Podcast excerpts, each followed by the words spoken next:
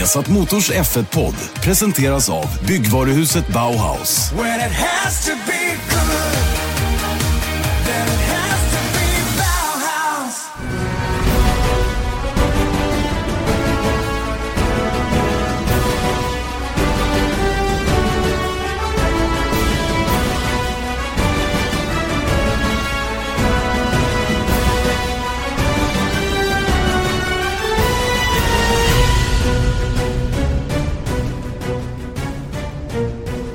Hallå där, hjärtligt välkomna till Formel 1-podden med Janne Blomqvist och Erik Stenborg. Formel 1-podden tillbaka igen alltså med eh, nya färska saker att prata om. Det tar aldrig slut den här eh, off-season om vi får kalla det det då.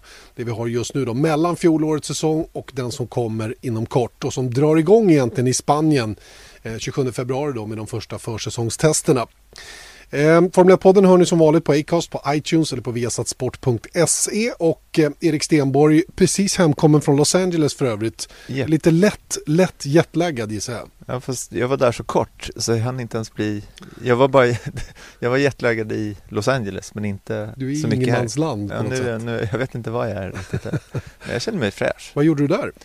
Där var vi och eh, filmade Marcus Eriksson och Alexander Elg som är på träningsläger eh, där borta Mm. och eh, de har varit i Thailand tidigare Tre år tror jag Mm, Tanja Pura, Ja, Sports Resort. Och nu så kände de att eh, de ville prova någonting annat. Eh, vi passade på att åka dit under den värsta regnstormen i eh, Los Angeles på 14 år. Okej. Eh, vi träffade Lilla, vi ska få höra honom lite senare.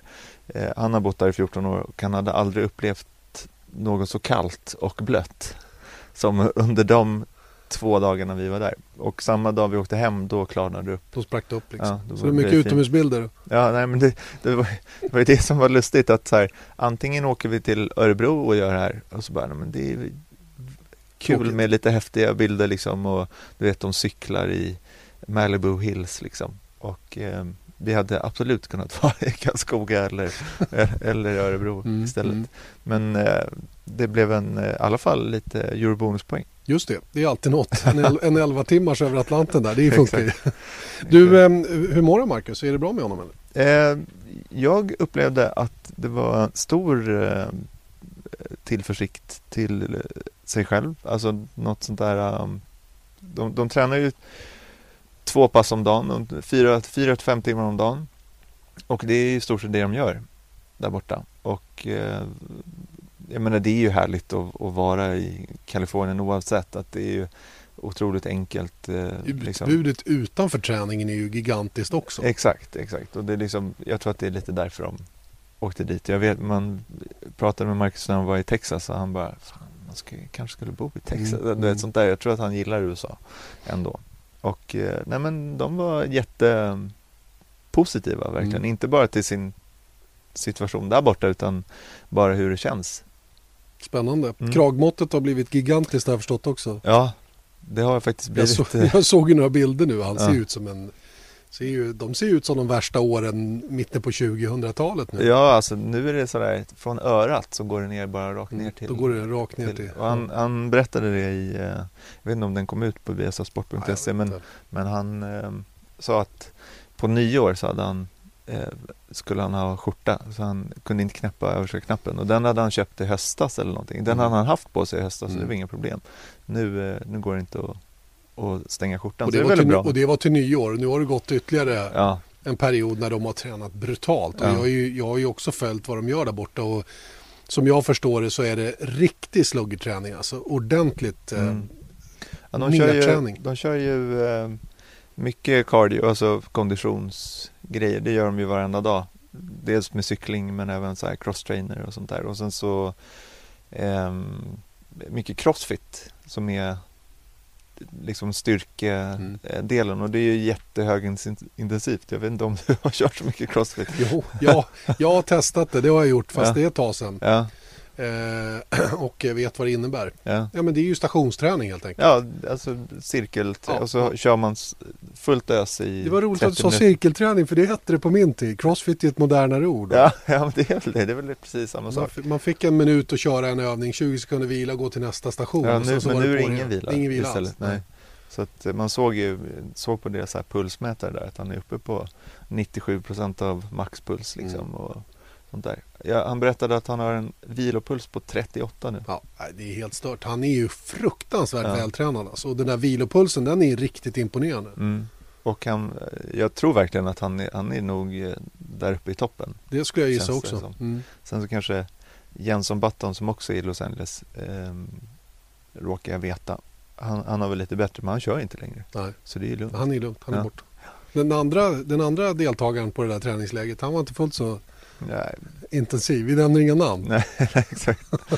Det är väl bara, jag träffade inte honom heller men, men eh, jag har hört Ryk- ryktesvägen. ry- ryktesvägen så var han inte kanske en Han är en top driver kan vi ja, säga. Ja, okej.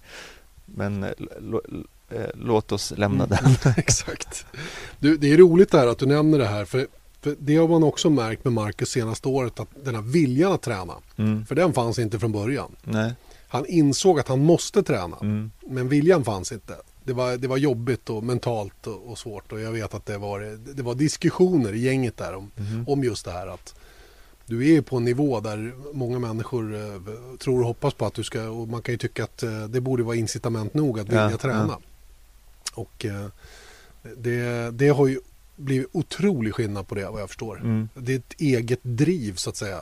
Ja, alltså- Marcus blir nästan rastlös om inte han får komma ut och göra det han, det han gör varje dag i stort sett. Och det är väl lite så med träning generellt sett. Alltså, folk som inte tränar och folk som tränar. Att man får, jag vet ju det själv, jag är ingen eh, atlet på det sättet. Men däremot så känner jag att så här, ja men som igår när man sitter stilla en hel dygn liksom på ett flygplan. Då det kryper ju i kroppen för Mm. att det känns nästan ohälsosamt. Och det är ju bara tack vare att man gör lite träning. I vanliga fall. Ja. Ja. Mm.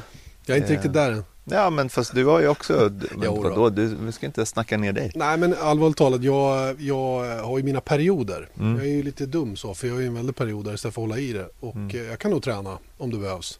Och om jag sen känner för det. Men... Jo men du vet Och komma vi, förbi den där tröskeln. Ja, och när vi cyklade mycket för att vi skulle cykla där eh, från Åre till Stockholm och sånt, då var ju du igång. Ja eh, liksom, Då är så. vi helt okej i form. Så att, Mm. eh, Men ja. det, det jag tyckte att här, vi umgås ju inte med dem av förklarliga skäl, men däremot så har man ju en överblick när man när man är där och man filmar liksom att man ser att och, och jag upplever inte att det är för kamerans skull som Marcus är väldigt på men han är ju sådär när, när du vet, de, de är på gymmet i två timmar och kör nacke och, och lite kondition och sen så crossfit på eftermiddagen och sen så kanske Alex bara, ja, vad, vad tror du om att springa lite? Han bara, ja, kör. Mm. Vet, så, det är liksom inget snack utan Nej. det, och, och det kommer liksom automatiskt så det känns inte alls som att det är spel för gallerierna utan Nej, jag tror nej. verkligen att han är Ja, jo men det, det, det absolut. Jag är helt inne på samma. Det är min upplevelse också, ska jag Mm. väl säga. mm. Ehm, ja, det, det är kul det där. Och eh, att det är viktigt med träningen inför årets säsong, det har vi om inte annat sett på förarnas sociala medier. Mm. Jag, jag, jag uttryckte mig kanske lite, så här, lite hånfullt i Mm. ett tweet någon gång när jag tyckte att vad fasen, Mm. varenda dag, Mm. tre, fyra bilder får vi reda på vad de gör. Mm. Och eh, ställer mig frågan så här, vi, vi fattar nu, Mm. liksom. Men eh, de har väl olika anledningar att göra det kanske. Ja men jag frågade om det också. Det att, ja, men det är väl liksom att det är ju det de gör. Alltså för Mm. jag vet inte vad Marcus ska ta bilder på i övrigt. Annars, Det finns inget annat liksom. Och sen så um, tror jag väl att dels när alla gör det. Det är klart att de följer varandra och håller lite koll på varandra. Då vill ju de inte. Det är ju ett psykologiskt spel är jag ganska säker på. Och sen som mot team. Och sponsorer. Just det. Allting. Att Partners, visa ja. nu, nu jäklar är den här killen lämnar liksom. inget åt slumpen liksom. Nej. Nej. Ja, det är lite Och jag kul. kan inte svara för några andra men han, han gör inte det nej, upplever jag liksom. nej, nej. Och så tror jag att han, han nämnde det liksom att det, det är inte samma viktkrav längre. För att jag, jag kommer aldrig glömma det när vi var och filmade honom inför säsongen med 14. Caterham. Mm. Eh, och då var det också samma. Det var träning och så sitter han i simulatorn en hel dag. Mm. Och sen så var det lunch och då drack han någon vattnig soppa två salladsblad och tre oliver. Liksom. Mm. Det var hans... eh, That's it. Och, och det, är inte, det är inte bra. Nej, Liksom. det är inte hälsosamt. Nej. Och det var ju då vi myntade uttrycket att de höll på att bli backhoppare. Liksom. Ja, att ja. De, de, de håller på att försvinna bort och bantar bort sig. Och det blev ju till slut nästan en, en riskfaktor också. Mm. Ja, nej, bilarna blir betydligt tyngre nu till, eh, till årets säsong och bilarna ska ju köra med 5 kilo extra bränsle ombord och sådana saker. Så det där är inget problem längre. Nej, och med Caterham så var väl Caterham-bilen var väl 20 kilo för tung. Liksom. Jag skulle tro att Caterham-bilen väger det den får väga till i år. Ja. Det vägde den då. Mm. Och Så då att, var, eh, ju, då var de ju tvungna att göra någonting. så att- Exakt, exakt. Varje liten Men då sak var det ju den här tiden också att hela, eh, liksom, det var ju då Nico Rosberg skulle köra utan färg på sin på hjälmen. hjälmen för det vägde 250 gram. eh, 250 gram eller någonting sånt där. Så det var ju på den nivån också. Då kan man snacka om att de gick på toaletten innan de Verkligen. skulle köra. Ja, men jag vet ju när jag låg inne på sjukan, vet du, när jag gjorde knät. Mm. Då hade de ju ultraljud när man var bedövad för att Mm. se om man hade urin i blåsan så att säga. Mm, Det var ju mm. en halv liter. Mm. Det är inte halvt kilo. Ja, det går ju inte. Nej, Det herregud. var Det är ju en... Va? Det måste ju vara en tiondel. Ja. ja, men jag vet ju också där i Singapore som är, är så varmt och krävande. Mm. De har väl en liters eh, vätska Ja, med sig i bilen. någonting. någonting. Men Mm. då skulle ju Marcus eh, inte köra med, Med vatten. med ja. vatten i, i, i bilen. Liksom. Och, eh, bara för att, Vilket inte alla tyckte var det klokaste nej det var, det var inte så bra. Nej, men det var ju några stycken som körde. Det Mm. var inte Maldonado också som bestämde sig för att köra utan vatten tror jag. Ja, ja, men det kan jag tänka mig att det var. Men det, det är liksom, den nivån är ju förbi och vilket är, är ju bra. Ja, nu är de tillbaka där de var förut när de byggde upp sig riktigt, riktigt hårt för Mm. att klara det fysiska. Och det roliga är att alla gör det här utan att ha någon aning egentligen om Nej. vilka påfrestningar de kommer att utsättas för Nej. Eh, när säsongen och de här bilarna rullar ut för första gången. Det, Mm. det är lite kul. Mm. Att, eh, Samtidigt så säger, sa ju både Alex och Marcus där också, det, ni kommer få se det här reportaget inför Australien. Det är dumt att jag avslöjar allting men ni kommer glömma bort. Eh, nej men det är ju att varför de tränar så mycket nu, det är ju nu de bygger upp. Och sen så under säsongen så är det bara underhåll, Mm. för då hinner de ju inte. nej. Så det är ju därför det är ju intensivt nu för alla för att de ska ha en bra grund att stå på. Sen så bara liksom eh, bibehålla och sen ska de eh, men så, så, n- nämner de också att det går ju inte att stimulera krafterna i en Formel 1-bil, speciellt inte nu när man inte vet hur, exakt hur det kommer att bli. Så de är ju fullkomligt medvetna om när de ska köra 120 varv på, i Barcelona under en dag, då kommer de ju vara helt slut. Mm. Så det är ju fortfarande bästa träningen men man måste ju samtidigt göra det man kan. Ja, herregud. Ja. Jag menar, om du ska träna upp dig under de åtta försäsongsdagarna för att vara någorlunda i form till första tävlingen, då är det bättre att börja på en annan nivå. Mm. 40 km i timmen snabbare genom kurva 3 till exempel i Mm. Barcelona. Det Mm. lär kännas på nacken lite. Det tror jag. Nej, men det var roligt att vara där och Mm. eh, träffade Lillövs. Jag vet inte när vi ska... Nej, vi, vi, han, ni kommer att föra en längre intervju med Lillövers lite senare i podden här. Så vi, vi sparar. Vi håller lite på honom än Mm. så länge. Han är ju en eh, intressant person på många sätt. Då. Han har ju en, en enorm erfarenhet av Formel 1, inte minst från förr i alla fall. Mm. Jag tror inte han följer Formel 1 sådär ingående. Eh, I alla fall inte på samma sätt upplever man många gånger idag. Han Nej. har ju varit ganska kritisk mot sporten så som den är just nu också. Det har vi läst i hans blogg och sådana grejer. Mm. Att han är ganska outspoken om man säger Mm. så. Det är han nu också. Mer om det om ett tag. Eh, Det intressanta eh, egentligen då är ju naturligtvis det som hände häromdagen. Nämligen att Mr E, Bernie Ecclestone, petades bort ifrån tronen. Flyttades bort som vd för Formula 1, Mm. kort och gott. Ersattes av eh, amerikanen Chase Carey ifrån Liberty Media. Och eh, L- Chase Carey som tar över vd-posten då får två stycken ehm, eh, managing directors. Mm. Eh, Sean Bratcher som kommer att ta hand om eh, den kommersiella sidan. Han är ju en, en framgångssaga i sig. Är ju mannen bakom E ESPN Mm. och har gjort eh, massor av framgångsrika saker när det gäller sport-tv i USA.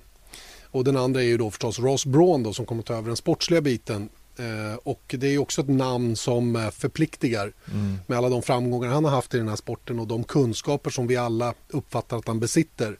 Eh, den här trion eh, har ju kompetens som vida, vida överstiger det Bernie Ecclestone själv hade. Mm. Eller hur? Ja, ingen snack. Nej. Och det, och det gör ju att det här är ju bara positivt givetvis. I varje, fall i, varje fall i den moderna världen. Ja. Jag menar, att göra det som Bernie gjorde för 40 år sedan. är ju kanske ingen annan som hade lyckats med, eller det tror jag faktiskt inte, att det, det var han som skulle göra det. Mm. Och han har ju drivit Formel 1 till någonting oerhört stort sett till vad den var på den tiden. Mm. Eh, men nu, 85 år gammal, så tror jag verkligen att den här trion är 500% mer liksom Lämpad. lämpad, Mm. att, att vara där de är idag. Va, va, hur reagerade du när du, fick, eh, när du fick reda på vad som hade hänt? Det lustiga var att det var under ett träningspass på, på eh, Gold i Santa, Gym? nej, i Nej. Santa Monica. Okej. Eh, så eh, läste jag det på Twitter och eh, nämnde det för pojkarna. Och eh, men det var ju, alltså, det var ju ganska, det var inget, eh, inget chockbesked på det sättet i och med att det hade börjat ryktas om sådana här saker dagarna innan Mm. och under ganska lång tid Mm. faktiskt. Eh, men samtidigt så eh, varenda jag har inte upplevt Formel 1. Det är få som har upplevt Formel 1 utan Mr E. Och eh, det är klart att tankarna börjar vandra. Mm. Ja, för, ja, men alltså det var väl samma sak för mig. När beskedet kom där, eh, det är väl tre dagar sedan på kvällen, så eh, var jag lite så här försiktig. Jag tänkte så här, ja, vänta nu. Mm. Nu eh, vill jag ha några fler källor på att det här verkligen stämmer. Det var ju tyska Automotorsport som, som spred det först och de hade pratat med Bernie som hade bekräftat då att han var bortpetad. Mm. Och eh, åtminstone jag är sån att jag väntar lite, lite grann innan man öser på eh, fullt ut då. Och man vill ha det från flera håll, att det faktiskt stämde. Sen när det visade sig vara korrekt information då dagen efter så, så började det sjunka in lite grann och, och jag ringde faktiskt till Eje och frågade, men du, är, det, hallå, är, han på väg, är han borta nu alltså? Mm. Och, och Eje bekräftade det, eller bekräftade, han sa vad han trodde. Att ja, men det verkar så. verkar som om gubben är borta nu, sa han. Mm. Och eh, eh, jag tänkte väl mer så här, ja men bra, bara det blir någonting konstruktivt av det här nu. Att det verkligen händer någonting i positiv anda. För det tror jag sporten verkligen behöver. Eh, och ehm, det, det uppfattar jag redan att det har gjort. Att de är konstruktiva. Det, de är väldigt, väldigt tydliga i alla fall. Både Ross Braun, eller framförallt Ross Braun, pratar ju tydligt om hur han vill förenkla regelverket och han vill, eh, han vill på något sätt eh, ta Formel 1 tillbaka till, till, till, till basen på något sätt. Mm. Att det ska vara enklare att förstå. Ja, liksom. ja. Han menar han- att han själv hade svårt att hänga med Exakt. i racen när han satt och kollade. Och det, det, ja, visst, fine. Det kanske han hade. Eh, och eh, han pratar om att ta bort DRS och alla de här sakerna. Och det här är ju musik för mångas öron. Mm. Utav puristerna, Mm. ska vi säga. Det finns ju purister, minst sagt, när det gäller Formel 1. Sådana, sådana som är verkligen hardcore och har sin syn på hur den här sporten ska vara. Och eh, det jag ställer mig frågan är bara, eh, det finns ju en oerhörd massa människor som tycker att Formel 1 är bra, Mm. som det är. Mm. Det är ju fortfarande gigantisk publik som tittar på Formel 1 varje år. Ja. 425 miljoner Ja. varje race. Liksom. Ja, och det säger ju faktiskt en del om, eh, om att allt är inte bara fel. Nej. Det är klart att det finns detaljer att jobba med och sådana saker. Va? Och sen är ju den andra frågan, vad är möjligt att göra för att vara alla till lags? Det där är ju saker som jag har diskuterat hundra gånger tidigare. Mm. Men eh, det ska bli spännande att se faktiskt vad, vad Ross Braun eh, kommer fram till själv nu då. Sett Mm. till de förutsättningar som faktiskt råder. Mm. För han kan inte bara gå in och ändra saker hur som helst. Han måste ju på något sätt ha, ha branschen med sig i övrigt också. Mm. Men det är där jag undrar lite över om det finns en potentiell eh, clash eller motsättningar inom det här. Eh, sett till då hur eh, amerikansk sätt att göra det på. Att, eh, vi tittade på en eh, regelgenomgång nu hur Nascar kommer se ut nästa, Mm. nästa säsong. Och då har de ju delat upp eh, racen i tre stages. Att, så här, att man kan vinna första stagen eh, och andra delen och tredje delen och sen så hela loppet och sen så ger det olika mycket poäng och sånt där. Det införs ju så här. Pang! Exakt. Och alla står bakom det. Sen så har det kommit massa kritik runt hur Nascar ska eh, göra det här och, och, och så vidare. Men samtidigt alla inom Nascar sluter upp och sen eh, kör de på det. Mm. Så det finns ingen liksom intern diskussion där. Sen så har vi ju då Liberty eh, Media som säger att de vill attrahera nya eh, fans till Formel 1. Och sen så har vi då Ross Braun som vill liksom göra någonting enklare och eh, kanske lite mer för purister utifrån det vi har hört idag. Det, Mm. det är väldigt svårt att Ja.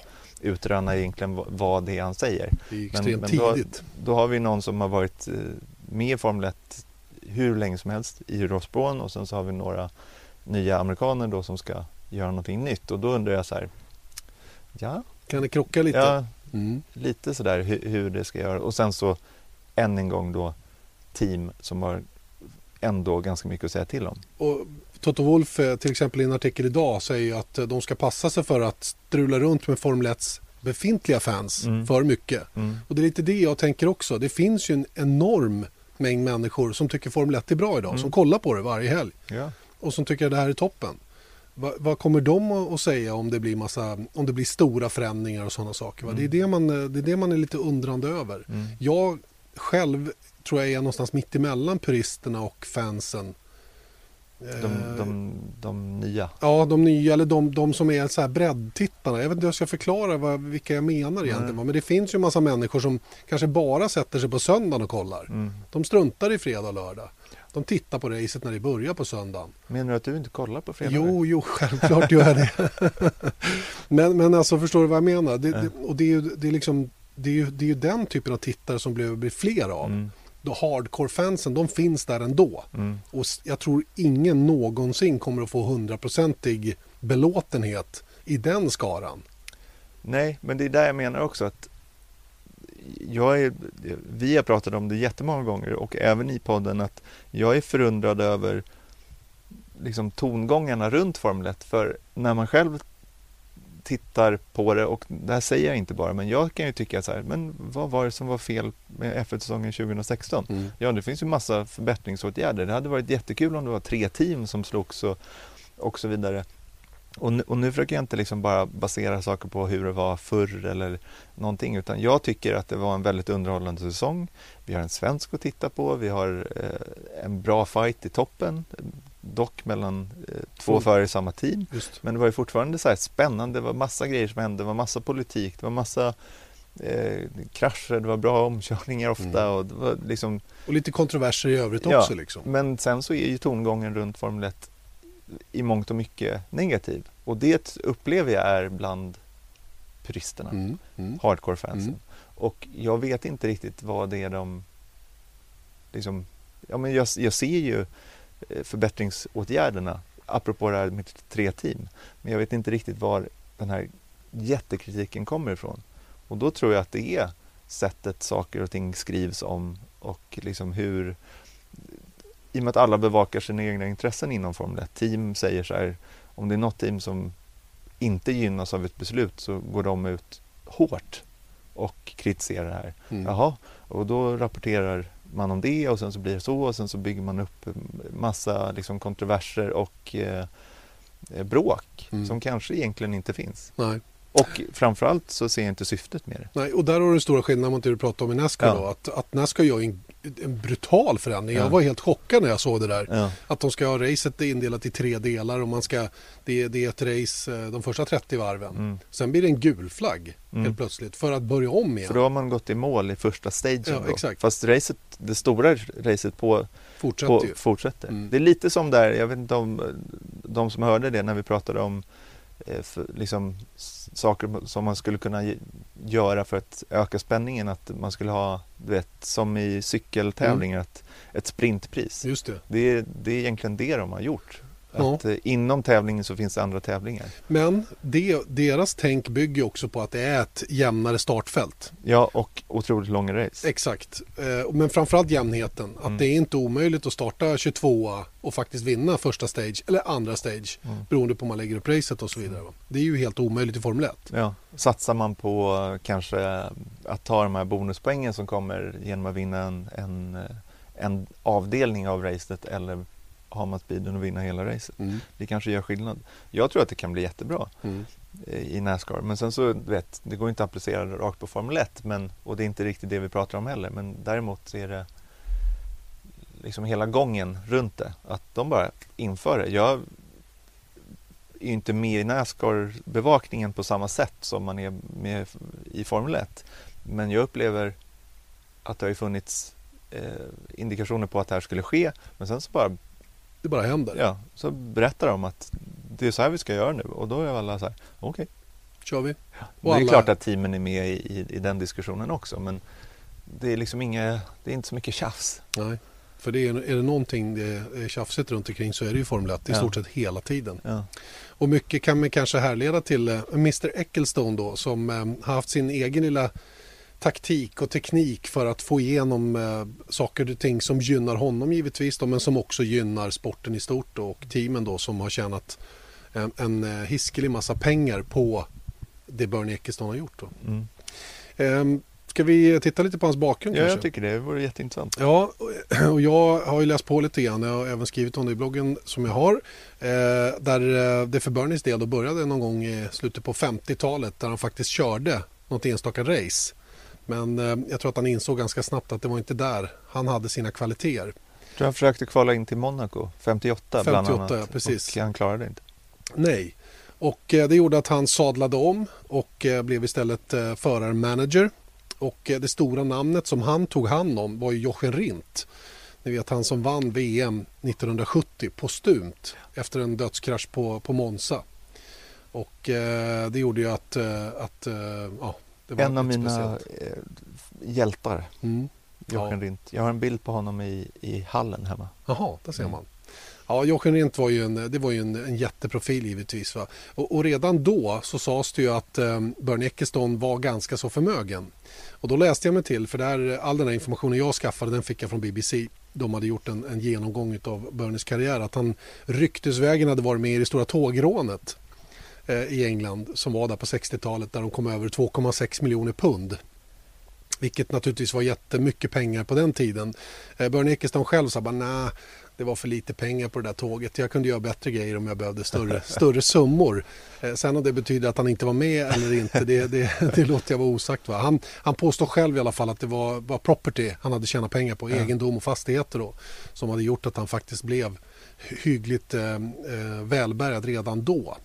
Wow, vilken grej att han eh, skulle ha liksom byggt upp Formel 1 efter ett tågrån. Tågrån, ja. Att han var med och planerade det här tågrånet. Jag tror inte han var med och rånade själv, men han, var säkert, han skulle säkert kunna vara med och, och, och, eh, och, och styrt lite grann. Ja, nu är vi ute på djupt vatten. Ja, men verkligen. Vi ska inte hamna i någon förtalshistoria, här, utan vi, vi, det här är ju bara ryktesvägen. Alternative facts. Typ. Eh, Det som hände sen var i alla fall att eh, efter Rinds, Rinds bortgång då så, så sadlade Ecclestone om igen och eh, inom ett par år så köpte han faktiskt ett eget stall, nämligen Brabham, ifrån grundaren då, Sir Jackie Brabham. Och eh, han, han, eh, det gick så bra faktiskt att han, eh, ja ni minns ju 78 när han vann med Mm. fläckbilen i, i, eh, i, på Anderstorp Mm. eh, Brabham-teamet då. Och 1983 så vann han VM-titeln med Brabham.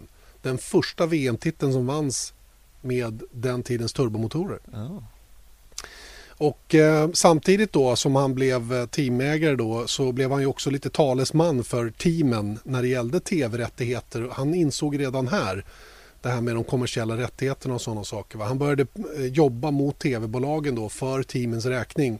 Eh, såg till då, för, för på den här tiden så såldes ju rättigheterna lite pö om pö. Ni minns ju i Sverige så såg man kanske bara ett eller två eller tre race. Mm. Man köpte in sig på, på några stycken. Jag Eh, tror att det är klubbarna alltså som, som alltså de respektive aut- automobilklubb i, de, i länderna som, Som sålde som ja, men jag vet att i Monaco till exempel, för jag vet att när vi har letat gamla bilder Just det. då är det ju, då ringer man ju till eh, Monacos, eh, ja, vad det nu heter, Mm. automobilklubb och de bara, ja visst, liksom. Mm. det är inga Inga konstigheter där. Ja, det var lite spännande faktiskt. Och eh, han eh, kämpade på med det här och började få tv-bolagen då att köpa Formel 1 i ett paket istället. Där man sålde hela säsongen. Och det här gjorde ju naturligtvis att synligheten för sponsorerna ökade ju markant. Och det gjorde ju att man kunde ta ännu större betalt för, för rättigheten så att säga. Då. Eh, Och sen i mitten på 90-talet då så, så gjorde han kanske sin bästa affär eh, överlag. När han då när hans gamle kompis Max Mosley hade blivit eh, FIA-president så kom han överens med Max Mosley om att han i eget bolag skulle ta hand om de kommersiella rättigheterna för Formel 1. Mm. Ett, ett eh, inte så långt kontrakt då. Eh, och de här eh, rättigheterna då eh, tog han hand om helt själv och det här blev ju inte bra. McLaren, Williams och Tyrrell Kent Turell, eh, alla de här blev ju vansinniga över att eh, de blev liksom överkörda och eh, menar ju på att det här var olagligt och de menar på att de till och med hade blivit rånade. Ja. Så han kanske rånade Tågrån. igen. Tågrån, exakt. Men eh, som jag har förstått det så, så eh, blev det några, ja, han, han eh, via några ekonomiska uppgörelser skulle man kunna säga så, så tystnade kritiken runt omkring det här. Och eh, när vi kom fram till år 2000 så eh, gjorde han en ny deal med Max Mosley, fortfarande då FIA-president, om de kommersiella rättigheterna som Max Mosley då sålde i 110 år framåt Ja. för 3,6 miljarder svenska kronor. Vilket eh, många tyckte var eh, en liten summa för den här förhållandevis lukrativa dealen då. Jag hörde ju massa sådana här stories om att han hade köpt kommersiella rättigheterna för typ en pund. Ja, men det, var, det är ju den gängse storyn. Och jag tror varit. kanske att det var den första svängen. Ja. I mitten på 90-talet där så betalade han nog ingenting. Han, eh, jag tror att Fia insåg att de behövde hjälp att Ja. driva det här mästerskapet framåt och få lite ordning på saker och ting. Och, och det här är jag lite osäker på rent faktamässigt så jag ska inte... Men ska jag tror att de har ju att fått eh, avkastning från det Ja, tidigare. Så de har ju ändå tjänat pengar på det. absolut. Och de har ju det. ägt en del också. Aktie, de har ju haft ett aktieinnehav i Ja, Det rättigheterna har de fortsatt. idag. Och det är lite tjabbel om det där just nu då med Liberty Medias övertagande. Men hur som helst så köpte han i alla fall de här rättigheterna då fram till eh, 2010. År 2010. Mm. Då, eh, då går det här... Då är inte vi kvar längre. Nej, det är vi definitivt inte kvar längre. Och, och, ehm, efter det här då så började ju karusellen med att eh, liksom omsätta den här rättigheten i nya pengar. Eh, det såldes både till höger och vänster, fram och tillbaka och eh, till slut så hamnade det hos ett tyskt kabel-tv-bolag som eh, till slut eh, gick i konkurs. Och eh, den banken som var kreditor till det tyska kabel-tv-bolaget tog hand om de här 47,7 procent tror jag det var 7,2. 47,2 procent. Eh, och eh, de sålde den delen till CVC Capital Partners som sen då har ägt rättigheterna fram till ja, Ja, förra året. Eh, när det såldes då, inledning, när försäljningen startade i alla fall kan man väl säga då. Eh, och eh, eh, då har de haft Bernie Ecclestone som vd för det bolaget då. Bernie som i sin tur har 13 procents ägande i Formel 1. Och det tror jag han har fortfarande. Mm. Eh, Det är ju, dels har han eh, inom familjetrustfond eh, 8% eller någonting sånt och sen så äger han själv 5% eller någonting sånt. Så han har ju fortfarande, men han har ju ingen majoritet, han har ingen, ingen, eh, ingenting att säga till om på det sättet. Då. Och det är ju det som har varit väldigt mycket diskussioner om då. Att, för det var ju tidigare, det var ju några år sedan när de pratade om att F1 behöver Ja, en diktator just. som har majoritet. För nu har det varit så himla mycket, ja, det har varit svårt att driva igenom förändringar. frågor. Ja. Och eh, CVC då, eh, Capital Partners, de eh, köpte ju den här rättigheten, lånade ju pengar för att köpa rättigheten. Och eh, tanken var ju då att eh, ta in Formel 1 på Singaporebörsen. Eh, just det gick, gick inte för att Bernie Ecclestone hamnade i en, i en mutskandal i Tyskland, Schweiz. Ja. Schweiz tror jag det var. Eller ja, det var Det någon var i schweizisk bank. Ja, Ja. men, men han blev åtalad för det i alla fall i Tyskland.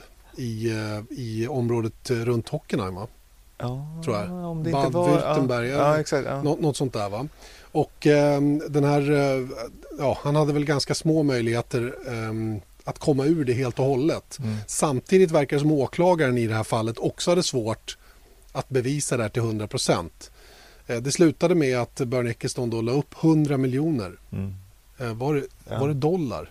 Eh, Jag tror att det var 100 miljoner dollar som man fick betala då till domstolen. Mm. Som de då får använda för att skapa någonting annat för trakten. Ja, Och i och med att han betalade de 100 miljonerna så, så kan, då lades fallet ner och det kan aldrig tas upp igen. Och allt enligt tysk lag. ja. I enlighet med tysk lag. Så att caset är gone. Det finns inte Nej. oavsett om han var skyldig eller inte. Och han var ju säkert skyldig till viss del. Ja. Men, men det här är ju också lite, jag vet att Nyby Ring, de har ju haft väldigt svårt eh, när de byggde hela det här komplexet runt GP-banan med Mm. berg och dalbanor som inte går och, Ja. och sånt där. Och det vet jag också var, jag undrar om det var inblandat med Bernie här. Det, det, jag är inte någon expert heller så nu är jag ute på djupt vatten igen. Men det var ju också lite samma grej att det har ju varit så här eh, enorma pengar inbetalat för det där och Mm. sen så har det liksom aldrig egentligen funkat. Så det har varit jättemycket stridigheter, ja, vad heter det, lagmässigt Just det. eh, i, i det området också runt Mm. den här eh, banan. Det är ju i alla fall eh, Bernies karriär inom Formel 1 i korta drag då och eh, han, eh, om man ser till det, mina egna relationer med Bernie, de är noll. Ja. Jag har inga. Nej, Jag, jag har aldrig växlat ett ord med honom. nej. Jag har gått bredvid honom typ. Mm. Jag var i en, ett, eh, på ett apotek i, i Austin just det, just det. samtidigt med Bernie. Köpte Och, godis. eh, Ja, han var inne och köpte godis och stod med sin stora fina Mercedes utanför där och hade sin fru med sig in. Då. Sin nya fru. Mm. Han har haft några stycken tror jag. Ja. Och eh, ja, re- rent generellt, jag vet inte vad jag ska säga. Däremot har jag ju hört massor om hur viktig han har varit för sporten fast på ett annat plan. Mm. Jag menar det har ju varit förare som han har hjälpt in i Formel 1 pengamässigt. Han har hjälpt team Mm. att överleva i praktiken Mm. genom att eh, hjälpa dem ekonomiskt. Och, och han har ju ställt upp med förskottsbetalningar av fonpengar och allt vad det nu har varit. Mm. Va? Så han, och det har han ju naturligtvis gjort i egen intresse eftersom Ja. i kontraktet som han hade med Formel 1 så skulle det finnas ett antal bilar på griden. Mm. Så att, eh, och vissa länder har han ju större intressen i än andra, till exempel Brasilien. Fick jag reda på nu när jag var i Brasilien att han, han äger ju rätten till all internationell racing i Brasilien. Mm. Det är bra också. Det är helt otroligt att han, att han har den, Ja. att Men det är väl- dealen. Det är väl så. Du vet när, när folk eh, är illa ute då, då, då kan man göra klipp Ja, antar jag. ja. Så att, eh, jag har inte gjort så många sådana klipp själv. Inte men, jag heller. men jag tror ju, det är ju det som alla har sagt i alla tider att han har gjort personer inom Formel 1 enormt rika också. mm. Så att jag menar han har ju haft det väldigt gott ställt. Han är väl Storbritanniens rikaste. ja, eller tredje ja, rikaste, eller någonting i sånt. den stilen i alla fall. Eh, men samtidigt har han ju tagit nyckelpersoner med sig. Mm. Eh, Ja, Frank Williams, Ron Dennis med flera hade ju Mm. inte varit på den nivån de är idag utan Bernie Ecclestone till Nej, exempel. nej.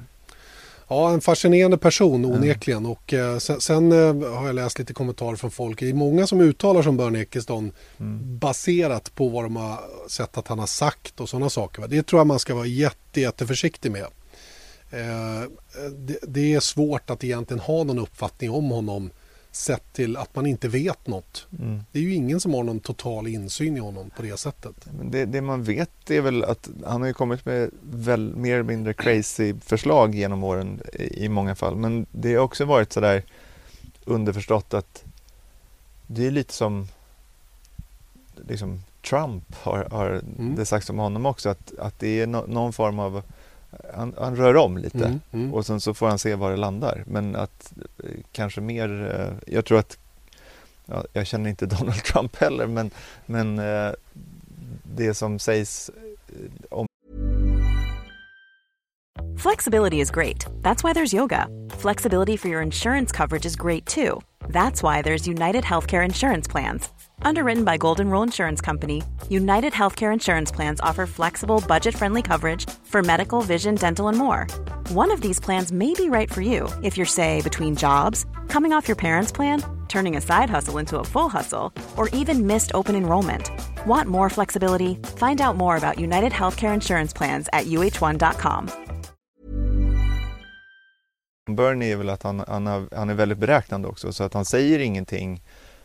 utan att ha en anledning till att göra det. Så när han har kommit med en sån här att, eh, men vet, att de ska köra sprinklers över, eh, över banorna och så att det helt plötsligt börjar regna och Mm. guldmedaljer hit och dit. Alternativspår. Och, Ja, och det är ju inte för att han kanske ser att det där ska genomföras men däremot så kommer han ju med någonting annat då. mm. För han har ett förslag på bordet som är det här galna och sen kanske han liksom backar lite och sen så bara för att visa att han menar allvar. Exakt. Att det är lite sån här taktik bara. Han är en dealbreak i alla fall, det kan man konstatera. Mm. Och det är ju få med, och jag menar titta hur han har förhandlat fram dealer som har, som har gett sporten så oerhört stora pengar med Mm. de banor han har tagit in i cirkusen. Va? Mm. Och det här har jag ju fått mycket kritik för, för att de klassiska banorna då har haft svårt att överleva under, de här, under den regimen så att säga. Då. Och då har vi hamnat i Och de Korea. nya också. Ja. Som, eh, Korea och Ja, Indien är ju ja. bra exempel som bara var, fanns där några år. Ja. Några år liksom Mm. och sen så och sen var det över. Så att eh, han, eh, ja, jag, jag eh, som sagt, jag, jag ser ju bara vad han har åstadkommit egentligen. Om honom som person har jag väldigt, väldigt svårt att uttala mig. Jag, jag vet det egentligen inte, ingenting. nej, nej, nej. Hur som helst så är han borta nu. Mm. I alla fall som det verkar. Ryktesvägen sägs han ju vara på gång att starta en, en breakaway series. Mm.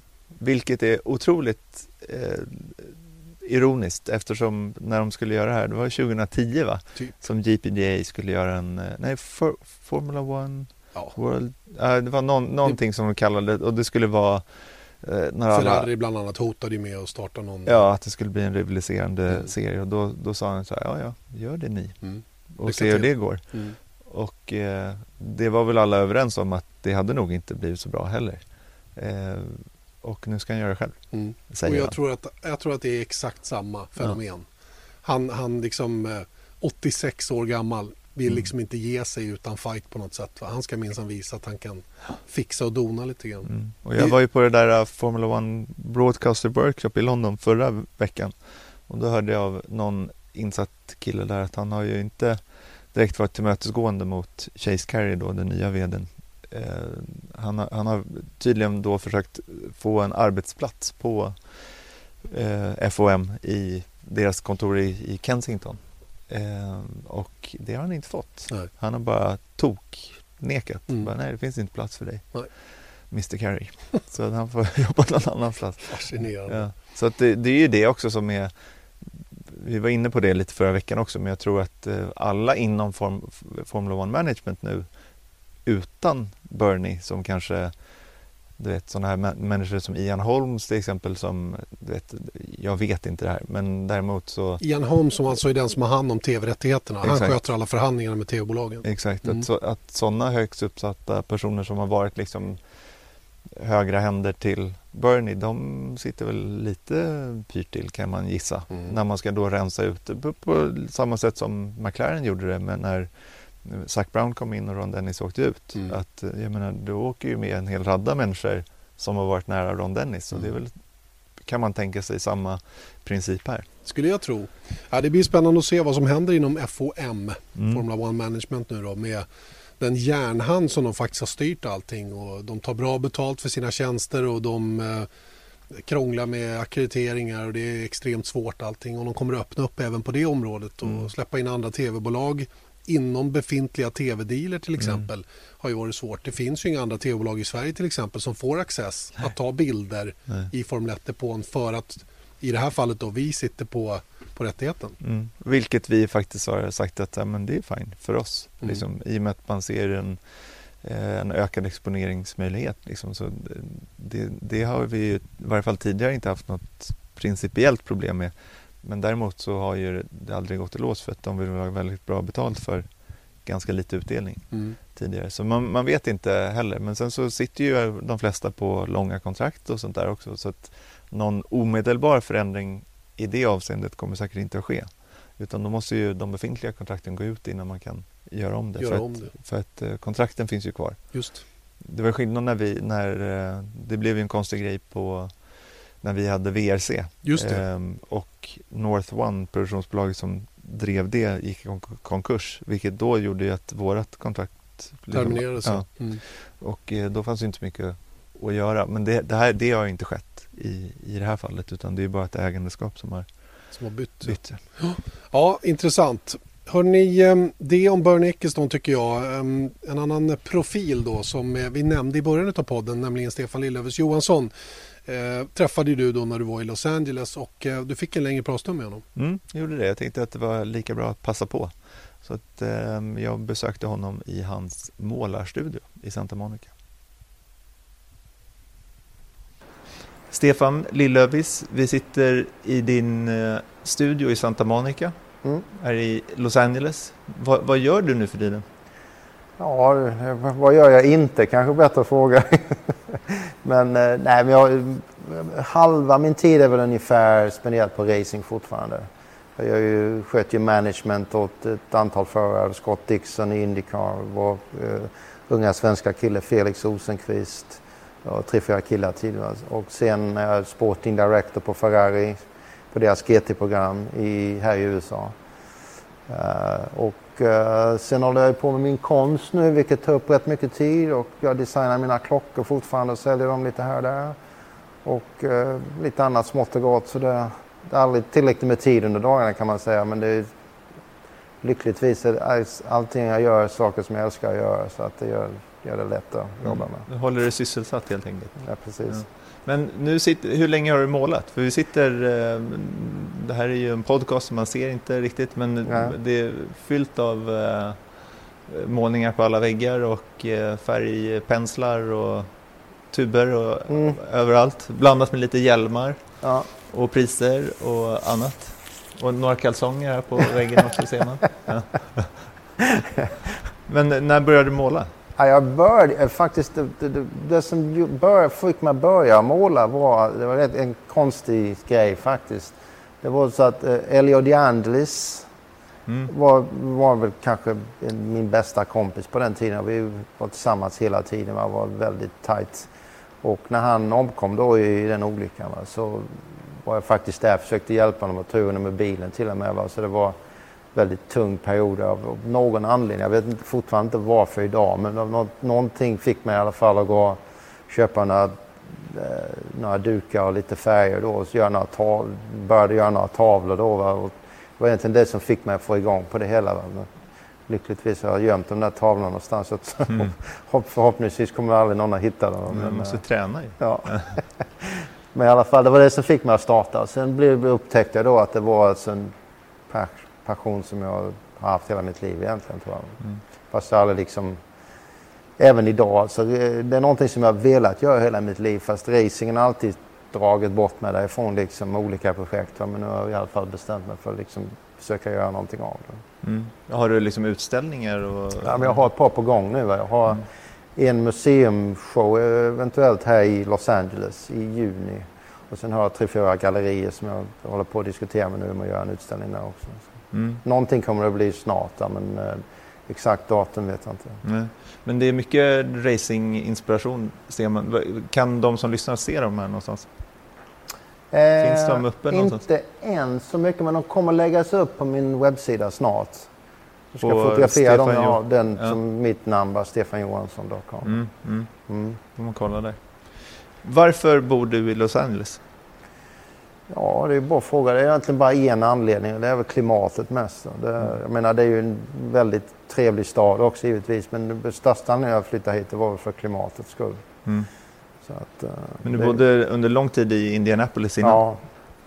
Mm. Och Vad var anledningen till det? ja, det var ju mest för racingens skull då. För jag menar, det, när, jag bör, när, jag flyttade, när jag la med F1 då och flyttade över hit och körde Indycar. Då var ju teamet jag körde för var baserat i Indianapolis. Sen var det Indy 500 varje år som gick en hel månad då. Och sen var ju de flesta racing, i, racing gick i Midwest. Va? Så det var rent logistiskt sett var det enklare att bo där. Mm. Men eh, min före detta fru då, hon, när vi träffades så bodde hon här i Los Angeles. Va? Så vi brukade åka hit rätt ofta då liksom mellan tävlingar och sånt och besöka när vi var på västkusten. Va? Och det, min, lite sådär så började jag bli mer och mer förälskad i stan då. Va? Så att eh, när, jag la ner mitt team och alltihop det där så sa jag liksom att nu, är nu drar vi liksom annars blir vi fast i Indianapolis i tio år till här. Va? Så, liksom, så vi bara flyttar på en vecka ungefär så flyttar vi över tid. Så. Trots att du har en gata där. Ja. Hur får man En en, dag. Ja, En dag. dag, ja. Just Ja, det. Stefan Johansson Day. Ja. Hur får man den? Ja, det var rätt, det var ju, det var när jag vann Le Mans. Mm. Så är det rätt komiskt för jag menar de har ju mer liksom berömda för Indianapolis än någon annan stad i hela världen egentligen. Va? Men de tyckte väl Le Mans var mycket häftigare än Indy då liksom på Ja. något vis. För det var lite internationellt. Så, så. European. Ja, Ja. precis. Så då tyckte han, borgmästaren där, då tyckte det var värt att skapa, skapa en dag för det då. Liksom. När är den? Ja, det är ju vad fan är det, 16 eller 18 juni eller vad det är.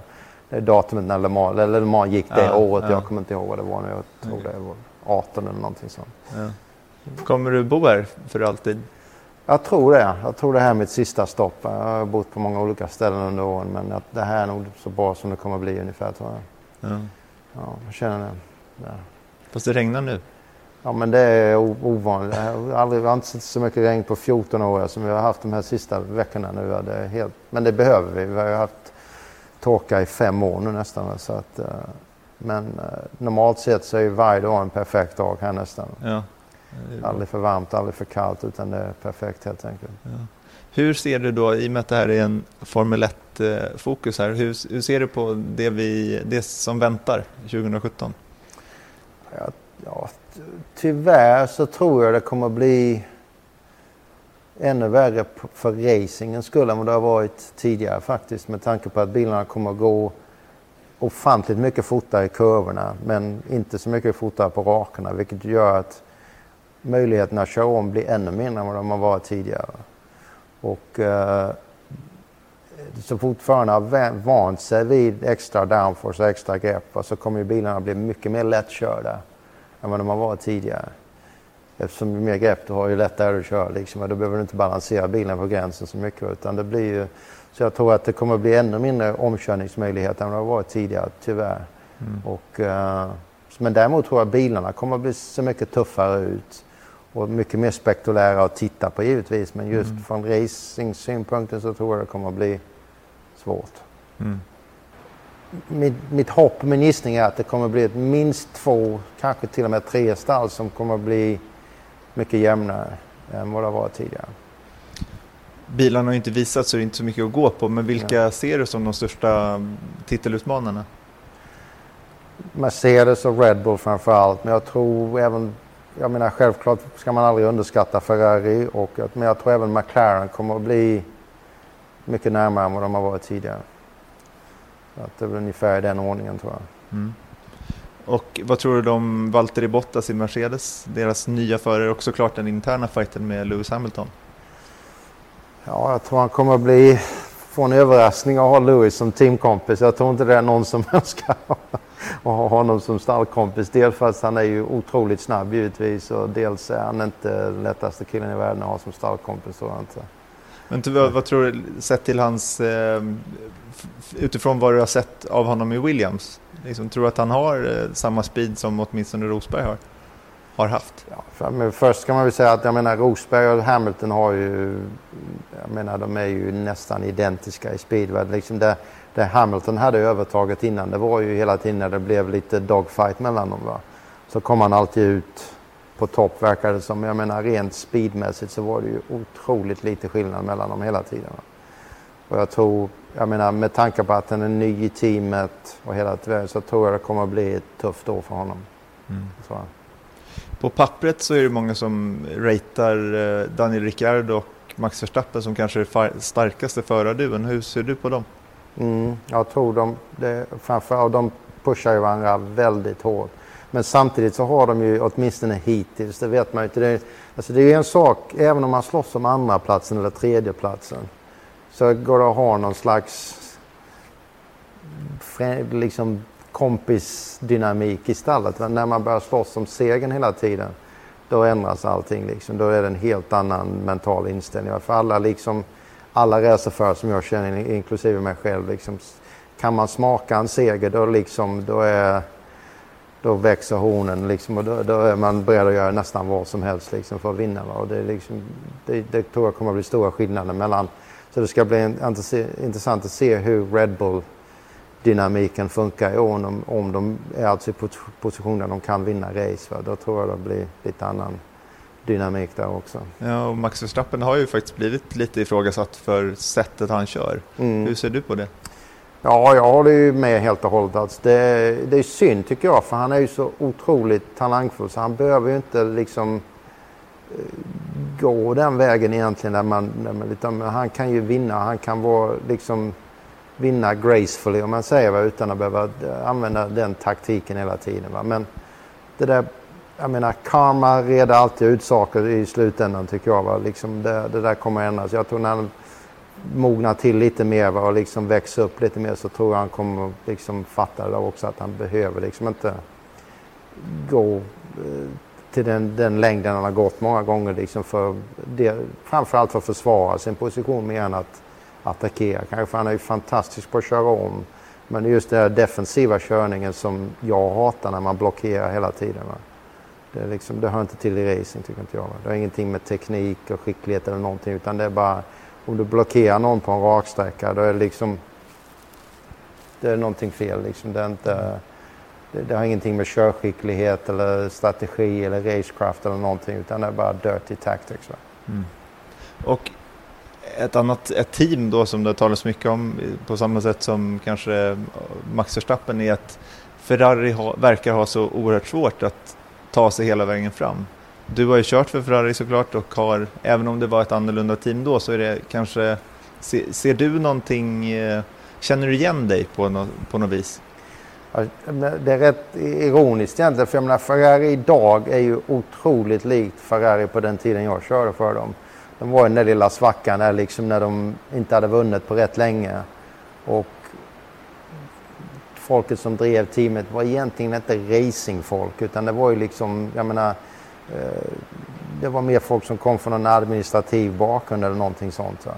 Och det är ju i princip det som händer nu också. Va? Liksom det är, jag menar, Marchioni som är chefen, han har ju ingen erfarenhet överhuvudtaget på racing egentligen. Och eh, Arriva Ben är ju relativt begränsad erfarenhet i, inom ett racingteam, även om man har varit i racing på, på sponsorship-sidan och sånt. Va? Och jag menar i slutändan är det liksom, man kan bara ta beslut baserat på den kunskap man har. Eller det som liksom, så att jag menar många gånger, jag menar man gör ett, två eller tre fel beslut på den i den stora bilden så att säga, så att strategiska beslut Det kan ha stor effekt på hela, liksom hela utvecklingen av bil, team, allting. Va? Så att, um, jag tror det kan bli tufft för dem framöver också faktiskt. Och Med det är helt det. enkelt liksom hur teamet leds. Det är inget liksom, Jag menar, om du, om du tittar på Ferrari när de blev framgångsrika, när de hade Dream Team, man säger drömstallet då med Schumacher, Ross Brawn, Jean Todd, Rory Byrne. Det var ju liksom de bästa av allt som fanns i branschen. Men det tog fortfarande tre år för dem innan de började vinna race då. Va? Så att, men det är ju som ett Formel 1-stall idag. Det, det är så många anställda och så otroligt stor operation. Att det är som en, det är som en like, här, eh, ocean liner nästan. Så det tar, ändrar man riktning så tar det eh, en säsong nästan innan man börjar se eh, liksom, effekten av det. Va? Så att, eh, jag tror det kan bli flera tuffa år tyvärr för Ferrari framåt. Mm. Och där har vi också de, de namnen du räknade upp. De- Alla de ses ju kanske mer som racers mer än eh, ja, företagsledare som, som man kanske ser Absolut, nu. de var ju hardcore racers allihopa. Mm. Med otrolig erfarenhet och framförallt historia av att ha vunnit race i allting de har hållit på med innan. Liksom. Vare sig det var rally med Jean Todd eller Ross Brawn med, i sportvagnar och Rory Byrne och allting. Så jag menar, alla var ju vinnare redan när de kom dit så att säga. Mm. Och, de, och det är rätt stor skillnad också när man vet och förstår hur man vinner så är det en helt annan filosofi också eller helt annan eh, liksom man tänker på ett helt annat vis hur- man lägger upp allting. Och ett annat team som du också körde för, McLaren, de har ju också gått igenom ganska stora förändringar Mm. på senare tid med Ron Dennis är borta och sånt där. Och de har ju också haft, i varje fall från mitt perspektiv, så har de liksom också haft ett liknande styre. Inte eh, sett till att det inte har varit racers som har gjort det, men däremot att de har haft den här corporate eh, strukturen och varit väldigt eh, eh, kliniska i sin Mm. framtoning. Och de har inte heller haft så lätt de senaste åren. Hur, vad, vad tror du är anledningen till det? Det är väl kanske delvis lite grann samma sak där också. Men jag menar det som har varit det största problemet för dem var ju givetvis när de lämnade Mercedes och gick till Honda. Jag tror inte de hade, det var väl ingen som hade väntat sig att det skulle bli så svårt eller tog så, ta så lång tid som det har gjort för Honda kanske att komma, eh, alltså bli competitive. Men jag tror de har, jag har det här är bara min gissning, jag, vet, jag har inga fakta på det här men jag, jag känner på mig att de har listat ut vad det är de gjorde fel nu. Va? Nu, nu när det, det här nya, helt nya regelpaketet har kommit ut så känner jag på mig att de kommer bli betydligt starkare än vad de har varit tidigare. De har resurserna fortfarande, de har ju otroliga resurser. Eh, och liksom ekonomiskt tror jag de är okej med, med Honda-backning och allt sånt. Så jag tror de kommer bli starka. Ja. Och slutligen, det är många svenska ögon på Marcus Eriksson generellt, men även på förväntningar runt hans nya teamkamrat Pascal Wehrlein. Vad är dina tankar om Sauber? Ja, jag tror ju det kan, det kan ju bara gå uppåt egentligen för dem. Va? Eftersom de har haft så ett par riktigt tuffa säsonger nu. Va? Men jag tror, jag känner på mig att nu med nya, liksom nya backar, ny struktur och massor med nya duktiga killar anställda så tror jag det kommer att bli mycket bättre än vad det varit innan. Och Marcus blir bättre och bättre varje år. va. Han har ju gjorde ju ett jättekliv förra året va? och känner på mig liksom nu när man snackar med honom så där liksom så har han en helt... en, man känner på sig att han har mycket mer självförtroende liksom och liksom vet att han kan göra jobbet om, om man får rätt material under sig. Va? Så att jag tror det kommer att bli mycket bättre i år också. Och hur värderar du Pascal Wehrlein? Han är ju snabb va? men jag vet inte om han har det där lilla sista som, som krävs för att det ska liksom... Eh, Jag känner på mig att Marcus kommer att klara av honom också faktiskt. Mm. Tror jag. Och hans eh, liksom, eh, CV innan Formel 1 med DTM-mästare och sånt. där, Liksom hur, hur ser du på... DT, det är inte mitt favoritmästerskap. Det är liksom mer eller mindre bestämt innan säsongen börjar vem som ska vinna för varje tillverkare. Så att jag menar, det är inte... Jag lägger inte så mycket vikt på det där vad han har gjort i DTM eller inte. Men Vad tror du om hans... eh, Det har ju mycket, sagts mycket om hans eh, attityd inom Formel 1. Eller i varje fall, det är väl ingen som har riktigt konkret svar förutom de som har varit inblandade direkt. Men att eh, han har haft lite trubbel att bli eh, inom sina team som han har kört för. Ja, jag vet. Jag känner inte honom alls. för Jag har liksom aldrig med mig att säga hej i princip. Så att, jag vet inte vad bakgrunden är, men det är ju aldrig... Det måste ju vara något som ligger bakom det, va, annars hade ju inte alla de här ryktena börjat sprida sig. Va? Så att, vad det innebär, det vet jag inte. Va? Men eh får, tiden får visa sig om det... Han är ju ung kille också. Alltså det är ju, jag menar, många gånger så mognar de ju till. Liksom, och då blir det sådana här jättekliv helt plötsligt så att han kanske inser vid något tillfälle här att liksom, man måste ändra attityden lite grann. Va? Och då, men som sagt, jag vet inte bakgrunden varför han har fått det ryktet eller inte. Kommer vi få se det på några race i år? Några kanske det blir. Det brukar bli två eller tre om året. Va? Så det blir väl någonting sånt igen. Va? Det räcker. Om man inte har någonting att göra, det liksom något, något jobb, så är det ju som att titta på färg som torkar ungefär och gå runt. Ja, Stefan Johansson där alltså en eh, profil minst sagt som eh, du fick en ganska lång pratstund med när du var i Los Angeles då Erik. Och det är ju intressant här till att börja med att höra hur han kom in på målandet. Mm. Eh, Jag, jag har ju vetat ett tag att han, att han eh, har ambitioner att vara konstnär så att säga då, att han har målat en hel del. Vilket förvånade mig då när jag fick reda på det men anledningen hade jag ingen aning om. Nej, inte jag heller faktiskt. Så det, liksom, det slog mig lite när, jag, när vi började prata om att så här, jag vet inte så mycket om alltså just vad han gör idag. Att, jag, jag var inte säker på varför han var i... Alltså, att han har bott i Los Angeles har man ju vetat men inte, inte anledningar till det. Så det var bra att vi pratade lite med honom. Absolut. Sen var det en annan spännande sak som man pratade om när det gäller Ferrari. Mm. Eh, Ferrari är ju ett team som, eh, som många tycker mycket om. Det är ju ett, eh, ja, jag menar, snacka om varumärke, Formel 1-varumärke. Ja. Och ändå har de så förtvivlat svårt emellanåt att, att lyckas trots stora resurser. Och när han går in på det här att han, han, han kan sätta likhetstecken mellan hur Ferrari var när han körde där i mitten på 80-talet och hur det är idag. Att det är för lite racingfolk som är på styrande positioner så att säga i teamet. Var det på den tiden och samma sak nu. Ehm, Det kan han säkert ha väldigt, väldigt rätt i. Mm. Ja men det låter ju fullkomligt rimligt och det är väl lite så som tongångarna har gått också även brett runt Ferrari att det är det är ju svårt med eh, när ledande människor driver ett företag mer än ett racingteam kanske Mm. och förståelsen för det och just den här skillnaden på med Rory Byrne och Ross Brawn och Jean Tott att eh, det, det, det är ju helt klart alltså det kan man ju bara se på pappret vilka människor de var och vilka människor vi har där idag. Mm. Ehm, Men var inte han den sista föraren Enzo Ferrari signade? Det kanske han var. Ja. Det jag har för mig att, det- eh, att han var det. Stefan Så- alltså? Ja, Stefan. Ja, okej. Ehm, Jag tror att det var så. Mm. Ja, det, är- det, är, det är intressant verkligen. Och, ehm, faktum är att Stefan körde en bil som Rory Byrne hade ritat i, i Tolman Ja, ja, ja. 1984. För då var Rory Byrne där innan han gick till Benetton.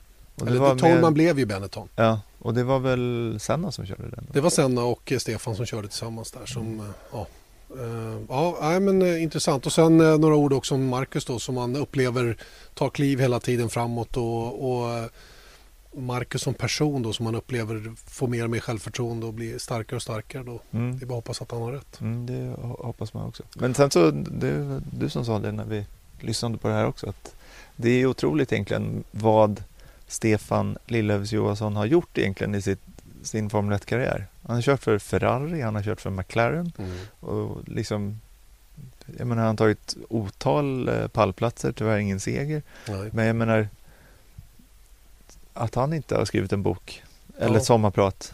Exakt, att han inte... Han var ju dessutom en 56a. Mm. Vilket eh, gjorde ju att han borde ha varit med i de här 56orna som var så framgångsrika. Mm. Stenmark, Frank Andersson, Björn Borg, eh, Linda Haglund. Ehm, och, och, eh, det fick de ju lite kritik för när de presenterade de här 56orna också vet jag. Att ingen, ingen nämnde Stefan Johansson Nej. i det sammanhanget. Du pratar om dokumentären, Just det, de, de presenterade ju alla de här Mm. framgångsrika 56orna. då. Men du, Ja, ska vi inte göra en eh, riktig... Nu var det här en del om Stefan. Vi borde kanske förbereda det under sommaren. absolut. En riktig eh, dok- långkörare En med Stefan. dokumentär. Så här gick det till. Ja, Ja, men det tycker jag. Det, det kan inte vara så svårt. Det Det, tar vi hand på. Ja, ja, Mm. det är billigt och bra. Det är bra. Räkna med en dokumentär om Stefan Johansson signerad Erik och Janne. Mm, perfekt. Det blir toppen. Det om detta. Eh, lite korta andra saker då innan vi rundar av. Vi har hållit på ganska länge nu. Eh, Manor-teamet, läget just nu. Eh, svårt att svara på egentligen. Eh, de försöker ju sälja teamet fortfarande och eh, vad jag förstår så har eh, Fitzpatrick, ägaren där, Steven Fitzpatrick, eh, fått ett bud som han har tackat nej till. Det senaste jag läste om det var att eh, den här eh, Jagonaya Ayam, det vill säga KFC-franchisen i Indonesien, då, ägaren till det var en av dem som är med i ett asiatiskt konsortium då, som, vill, som vill köpa teamet. Då. Och han har ju sin son Sean Gillel och han har ju Rio Haryanto då, som han skulle stoppa in då i bilarna till Mm. exempel. Eh, två indonesiska förare också vilket vore en, en fjäder i hatten om man säger då. Mm, det vore ur- helt otroligt. Ja, verkligen. Va? Då kanske de till och med skulle kunna få Pertamina att vara med igen Ja, oljebolaget som har hoppat av eh, hoppat av Formel 1 nu eller hoppat av supporten till Rio Haryanto då framförallt.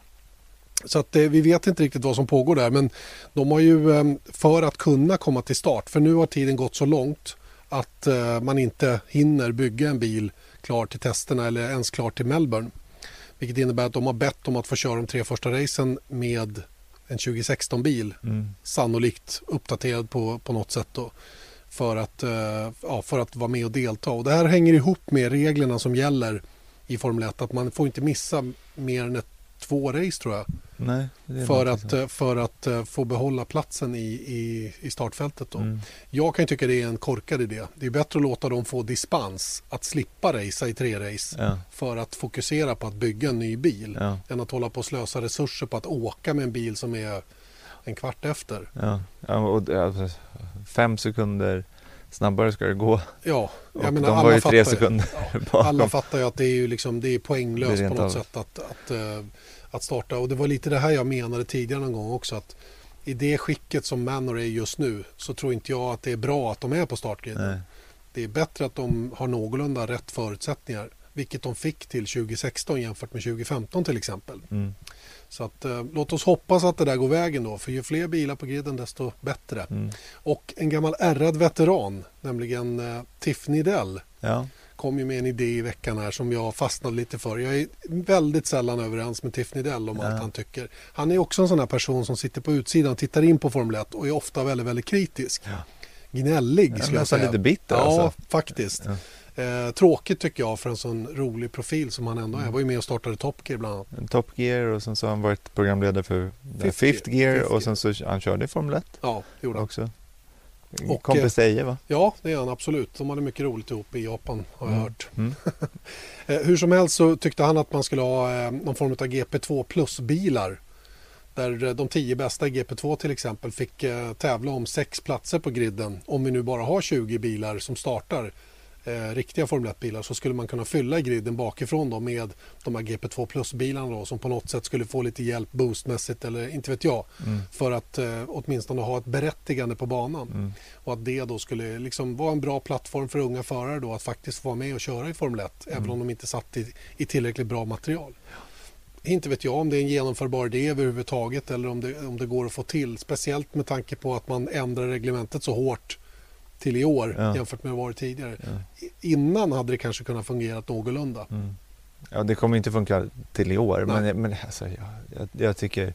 det- Du vet, då är vi inne på den här two-tier, alltså två olika mästerskap i mästerskapet och sen så kommer det någonting, ja så kommer de få ekonomiska problem och sen så kommer det vara oh, stökigt och sen så otydligt och ja, jag tycker, alltså jag menar, det hade varit skillnad om vi var 16 bilar Mm. I F1, men Exakt. nu är vi faktiskt 20 Ja. som det var 2015 och det är helt okej. Ja, det är fint. Ja. Även om det är bra med en, en full grid. Ja, som det jag tror man är skulle vilja ha 26. 20, ja, det är klart man skulle vilja ha 26 bilar. Men det är som du var inne på i förra avsnittet också. Att de 26 bilarna måste ju ha någonting där att göra Exakt. också. Om det är sex bilar som kör liksom som inte ens är med i Formel 1. Nej. Det tycker jag känns väldigt... Speciellt med tanke på att det har kommit upp eh, eh, åsikter om att man ska ta bort, eh, vem var det som sa det? Det kommer jag inte ihåg nu. Om det var, var det Mark Blandell kanske? Eller någon som sa ta bort blåflaggorna.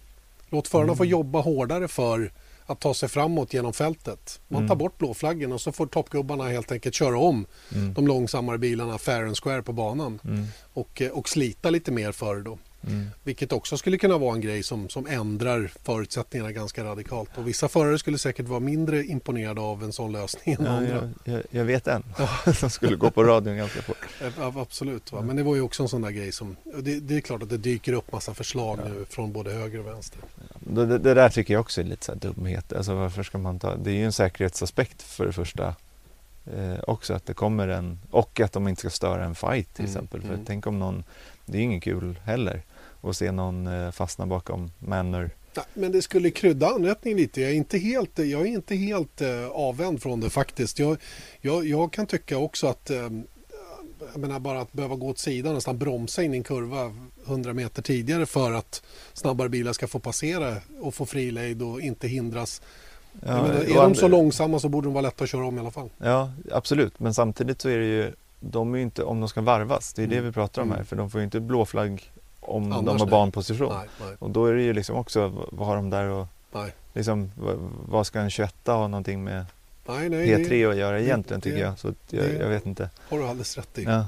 Sen så kan man ju tycka då att så här, men, men ofta, det vet man ju också från, från Ericssons sida att när man blir varvad då vill man ju bara bli av med dem fort också. Man vill ju inte ha, ja det är klart att de vill inte gå ut ur smutsiga heller. Nej. Det, det är väl kanske det som skulle vara positivt för en sån som blir varvad. Att de kan bara ligga kvar på sitt spår så får någon göra. Men de vill inte heller störa. De vet ju om sin position i racet och de vill ju inte ha De- sitt race stört av varvningar heller. Nej. Så de vill ju bara liksom stick liksom. Precis. Och kanske få en DRS liksom. Exakt. Så att, eh, ja, Nej, jag vet inte riktigt. Vi, vi lämnar det. Mm. Gör det.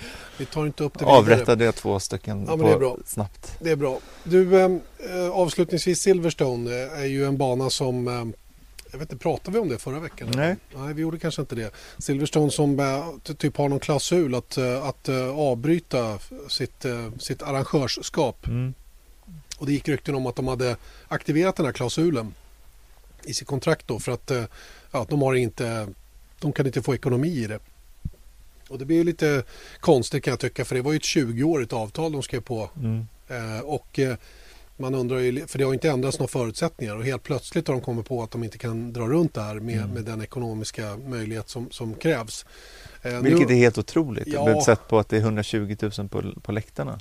Och visst, då har de ju liksom gjort familjebiljetter och sånt där för att få de här människorna. Men det är ju mer fullsatt än på Silverstone kan man ju inte få det. Nej, verkligen inte. Va? Men det, det visar ju också på svårigheten att dra det Ja. bara på biljettintäkter. Ja. För det är ju i princip det arrangörerna har att spela med. Mm. Och det är ju det här som, som Liberty Media tittar på också. Mm. De vill ju rädda de klassiska banorna kvar Mm. För att det är viktigt för varumärket att de finns i kalendern så att säga. va. Och därför så tror jag inte att Silverstone kommer att försvinna. Och nu tillbakavisar ju ledningen där också att de har aktiverat den här klausulen. Det var bara, det var bara en, en tidningsanka typ. Mm.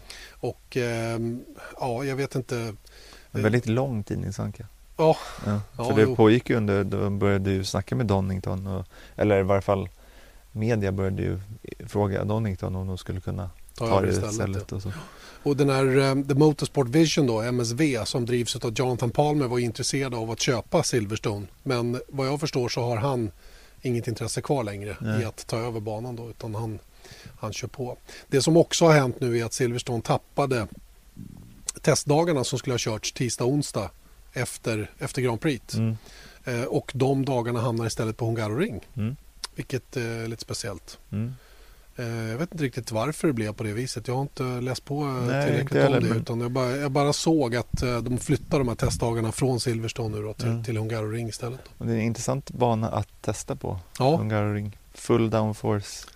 Absolut. Och kanske mer viktig då för teamen i vissa avseenden då än Silverstone är. Då. Jag har sett till Singapore till Mm. exempel som kommer. Det är väl där många brukar ta sina uppdateringspaket och, och så vidare. Så det är kanske det man siktar på, en full, full downforce eh, väg att gå då. Men samtidigt är väl Silverstone också en, en downforce. Ja, Det är en krävande bana rent Ja. balansmässigt. Det är ju en eh, oerhört speciell bana som Ja. kräver mycket av bilarna så att säga. Så att, eh, En men helt annan karaktär än Hungaroring. verkligen. Hungaroring kan ju bjuda på bra väder i alla fall. Det är ju alltid lite osäkert när det gäller Silverstone. Mm.